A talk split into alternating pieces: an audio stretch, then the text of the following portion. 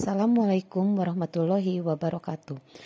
Pada pertemuan kali ini kita memasuki materi baru yaitu masalah ekonomi dalam sistem ekonomi yaitu KD 3.2 atau bab 2. Nah, tujuan pembelajarannya sendiri yaitu setelah kegiatan pembelajaran ini diharapkan Anda dapat mengidentifikasi masalah ekonomi klasik dan modern dengan cermat dan teliti dalam kehidupan sehari-hari sehingga terbentuk sikap kritis, kreatif, jujur dan bertanggung jawab.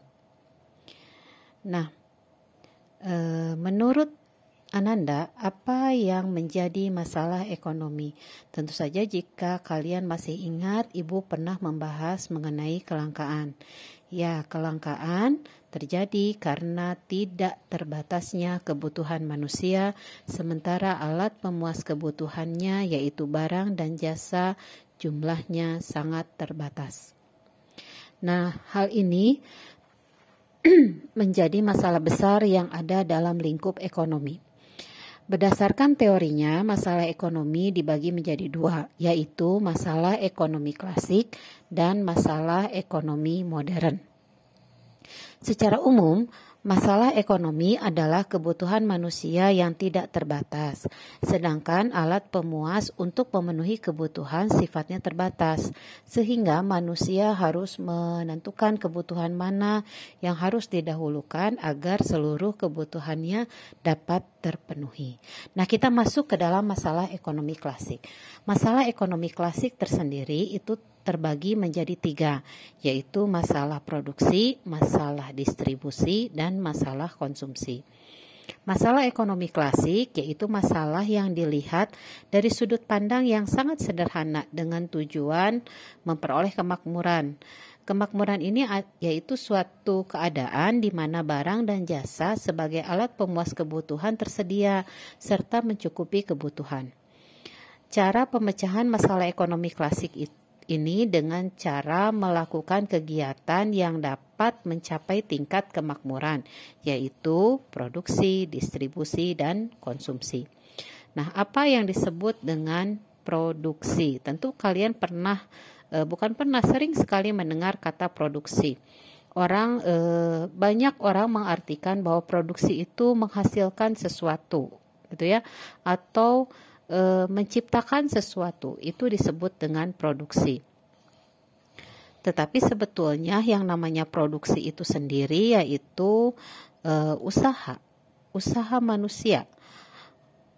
E, usaha manusia menambah faedah atau kegunaan suatu barang atau jasa untuk menciptakan benda baru sehingga lebih bermanfaat dan memenuhi kebutuhan gitu ya. Jadi kegiatan menambah faedah atau manfaat benda ini bisa dengan mengubah sifat atau mengubah bentuk dari barangnya. Nah, itu yang disebut dengan kegiatan produksi. Nah, apa yang disebut dengan distribusi? Distribusi itu sebetulnya yaitu e, menya, apa, usaha menyalurkan barang dan jasa dari produsen supaya sampai ke konsumen. Nah, Eh, serta menciptakan saluran distribusi yang uh, lebih efisien. Nah, distribusi ini dapat dilakukan dengan dua cara, yaitu yang pertama, distribusi langsung, artinya menyalurkan barang dari produsen langsung ke konsumen tanpa melewati perantara. Kalau zaman sekarang tuh banyak sekali contohnya, misalnya seperti ini contoh yang paling gampang. Kalau kalian jajan nasi goreng ke tukang penjual nasi goreng, nah itu artinya distribusi langsung. Tapi ada juga yang kedua yaitu distribusi tidak langsung, yaitu menyalurkan barang dari produsen kepada konsumen melalui perantara. Nah, perantara ini banyak sekali macamnya. Ada yang disebut grosir, ada yang disebut retailer, ada yang disebut komisioner, eksportir, importir dan masih banyak lagi. Ya. Nah, yang ketiga yaitu masalah konsumsi. Jadi masalah konsumsi. Kalau konsumsi itu kalau misalnya eh, ketika ibu bertanya apa sih konsumsi, nah orang selalu berpikir oh konsumsi itu pasti makanan gitu ya.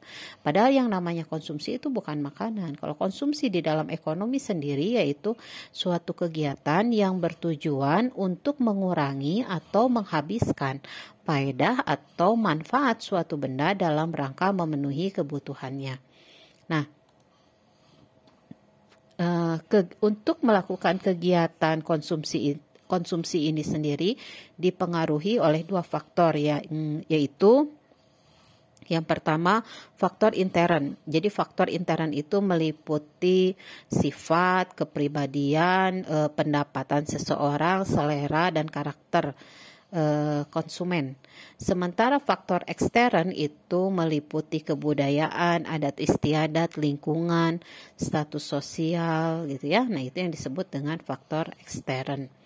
Nah, itu yang pertama yang tadi yang disebut dengan masalah ekonomi uh, apa tradisional atau klasik klasik ya bukan tradisional. Yang kedua kita memasuki sekarang masalah ekonomi modern. Nah masalah ekonomi modern ini terdiri dari tiga yaitu what atau barang apa yang akan diproduksi dan berapa banyak. Yang kedua, how, bagaimana cara memproduksi barang tersebut. Yang ketiga, for whom, untuk siapa barang tersebut diproduksi. Nah, kita bahas satu-satu. Yang pertama, barang apa yang akan diproduksi dan berapa banyak atau what manusia mung, e, tidak mungkin e, memproduksi semua barang yang dibutuhkan ya karena adanya keterbatasan sumber daya yang disediakan oleh alam kita. Nah, untuk mengatasi hal tersebut, manusia itu harus pandai dalam membuat prioritas barang apa saja yang akan diproduksi dan berapa jumlah yang sesuai. Gitu. Artinya, banyak barang yang kita butuhkan ternyata tidak mampu kita produksi dengan sendiri uh, ambil contoh saja negara Indo negara kita itu negara Indonesia yang sampai saat ini sebetulnya uh, bukan dalam arti belum mampu ya, tetapi nanti kita akan membahas lebih lanjut lagi. Jadi negara kita itu sebetulnya uh, ya kalau di, diambil menggunakan bahasanya sampai sekarang ini belum mampu menghasilkan atau memproduksi uh, kendaraan uh, baik roda dua maupun roda empat sendiri.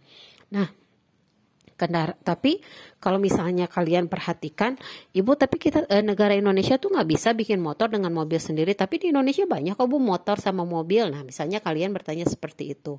Nah bagaimana caranya negara kita ini e, bisa memenuhi kebutuhan masyarakat akan kendaraan? Akhirnya negara kita bekerja sama dengan negara lain yang e, sudah e, berpengalaman menghasilkan atau memproduksi kendaraan maka didatangkanlah kendaraan tersebut ke Indonesia sehingga kebutuhan masyarakat akan kendaraan terpenuhi. Itu salah satu contoh. Contoh lainnya masih banyak ya. Contoh lainnya misalnya yang paling sering kita lihat kalau kalian datang ke tukang e, penjual buah-buahan, kalian bisa melihat sekarang produk apa e, buah-buahan yang dijual di negara kita itu ada dua, ada dua kategori. Yang pertama adalah buah lokal, yang kedua buah impor. Nah, sebetulnya yang disebut kenapa disebut buah impor? Karena buah impor itu buah yang tidak bisa diproduksi di negara kita.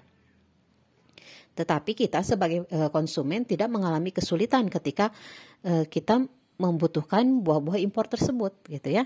Nah, itu pemerintah juga akan berpikir bagaimana caranya untuk memenuhi kebutuhan masyarakat akan buah impor sehingga buah impor itu dapat dengan mudah diperoleh oleh masyarakat begitu ya. Itu yang pertama. Yang kedua, bagaimana cara memproduksi barang tersebut? How? Nah, memilih cara dan teknologi yang dipakai itu sangat penting dalam proses produksi. Salah pertimbangan mengenai teknologi eh, itu dapat menyebabkan biaya produksi yang tinggi. Nah, ketika biaya produksinya tinggi, maka efektivitas dan efisiennya itu eh, apa? Perhitungannya akan menjadi sangat salah gitu ya. Nah, makanya difikirkan bagaimana caranya ketika kita akan memproduksi ini dengan biaya yang terjangkau tetapi menghasilkan produk yang memiliki kualitas dan mutu yang baik gitu ya. Itu akan akan difikirkan oleh uh, si produsen sendiri gitu. Sehingga ketika mereka menjual barangnya, barang tersebut adalah barang yang memiliki kualitas yang tinggi tetapi dengan harga yang sangat terjangkau. Itu juga harus menjadi pertimbangan. Lalu ada lagi uh, yang ketiga adalah for whom. Untuk siapa sih barang ini diproduksi gitu ya. Masalah ekonomi ini sebetulnya menyangkut atau yang dibahasnya in, apa yang menjadi bidikan utamanya itu pasar mana yang akan dipilih. Nah, biasanya pasar itu tergantung kepada bisa dari daerahnya gitu ya, bisa dari gender laki-laki atau perempuan gitu. Bisa juga dilihat dari sisi usia. Nah, masalah ini juga dipengaruhi oleh distribusi barang dan jasa. Nah, yang terakhir yang akan kita pelajari sedikit dulu di uh, pertemuan yang sekarang yaitu mengenai ekonomi mikro dan makro. Makronya nanti akan dibahas di uh, sesi 2. Sekarang kita pelajari mikro dulu sedikit ya. Nah, ekonomi mikro ini sebetulnya merupakan salah satu cabang dari uh, merupakan salah satu bagian dari cabang uh, ilmu apa teori ekonomi. Nah, teori ekonomi sendiri uh, di pertemuan yang lalu itu pernah dibahas itu terdiri dari dua yaitu ekonomi mikro dan ekonomi makro. Nah, ekonomi mikro itu mempelajari perilaku individu atau rumah tangga perusahaan dalam membuat keputusan tentang alokasi sumber daya yang terbatas. Biasanya ekonomi mikro ini diterapkan pada perilaku pasar di mana barang atau jasa yang dibeli atau dijual ya. Ekonomi mikro ini meneliti bagaimana e, keputusan dan perilaku individu serta rumah tangga perusahaan dalam mempengaruhi penawaran dan permintaan atas barang dan jasa. Lalu uh, penentuan harga, bagaimana harga pada akhirnya terus menentukan juga jumlah barang dan jasa yang disediakan atau diminta.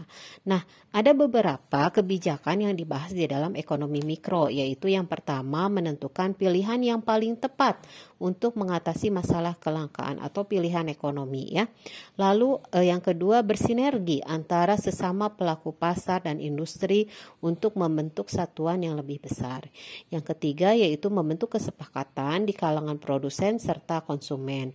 Lalu menggunakan teknik analisis ekonomi mikro. Yang terakhir yaitu pemanfaatan analisis biaya peluang dalam rangka menentukan pilihan. Nah, asumsi ekonomi mikro itu sendiri e, digunakan sebagai landasan membuat kebijakan, yaitu ada tiga asumsi. Yang pertama, berusaha memaksimalkan hasil yang dicapai, lalu melakukan kegiatan atas dasar kelangkaan. Yang terakhir, konsumen dan produsen melakukan kegiatan ekonomi secara rasional. Nah, jadi kalau misalnya ditanya ibu siapa sih tokohnya ekonomi mikro? Tokoh ekonomi mikro itu Adam Smith ya, lalu ada muridnya yaitu David Ricardo. Variabelnya yang dipelajari yaitu mengenai konsumen, produsen, investor, pekerja, pemilik faktor produksi. Nah, kebijakannya tadi sudah pernah dibahas yaitu menentukan pilihan yang tepat untuk mengatasi kelangkaan, membentuk kesepakatan di kalangan produsen dan konsumen, serta menggunakan teknik terbaik analisis ekonomi mikro. Asumsinya juga tadi sudah dibahas, yaitu berusaha memaksimalkan hasil yang dicapai, melaksanakan kegiatan atas dasar kelangkaan, konsumen dan produsen melakukan kegiatan ekonomi secara rasional. Cangkupannya jangan lupa bahwa ekonomi mikro itu adalah parsial atau perbagian. Ya, jadi di dalam ekonomi mikro yaitu yang dibahasnya adalah bagian-bagian kecilnya gitu, bukan e, keseluruhan. Jika yang dibahasnya keseluruhan itu masuknya ke dalam ekonomi makro. Nah, materi untuk pertemuan kali ini itu sampai situ yaitu kalian mempelajari permasalahan pokok ekonomi yang terdiri dari e, permasalahan e, pokok ekonomi klasik yang terdiri dari tiga yaitu e, produksi, distribusi, dan konsumsi. Juga kalian mempelajari permasalahan ekonomi modern yang juga terdiri dari tiga what how dan who, lalu ditambah dengan materi sedikit mengenai ekonomi mikro. Terima kasih, semoga penjelasan ini membantu kalian dalam memahami materi di KD 3.2 sesi 1. Terima kasih. Assalamualaikum warahmatullahi wabarakatuh.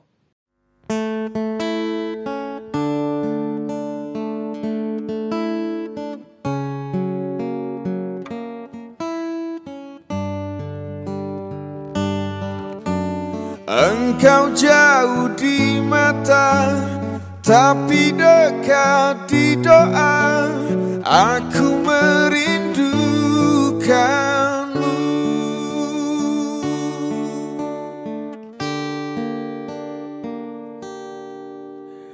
Aku masih ada di sini Masih dengan perasaanku dahulu. Tak berubah dan tak pernah berbeda.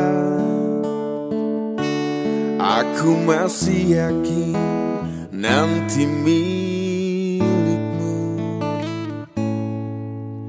Aku masih di tempat ini.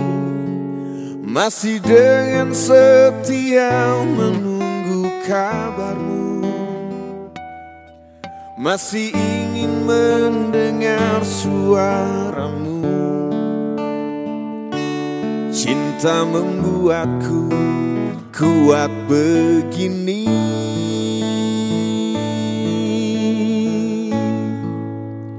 Aku merindu Ku yakin kau tahu Tanpa batas waktu.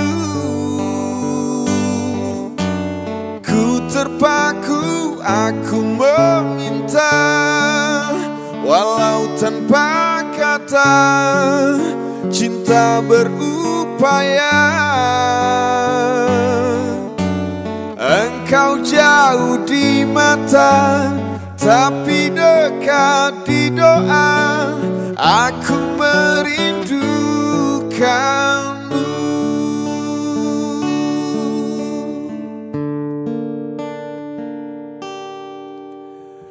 Aku masih di dunia ini. Melihatmu dari jauh bersama dia. Walau pasti ku terbakar cemburu Tapi janganlah kau ke mana-mana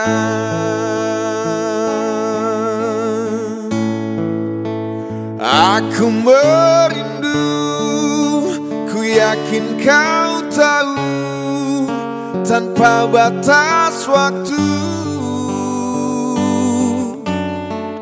terpaku aku meminta Walau tanpa kata cinta berupaya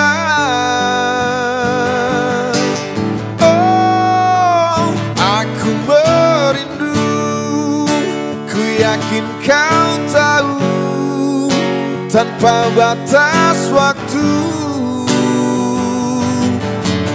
Ku terpaku Aku meminta Walau tanpa kata Cinta berupaya. Engkau jauh di mata Tapi dekat di doa Engkau jauh di mata Tapi dekat di doa. Engkau jauh di mata tapi dekat di doa. Aku merindukanmu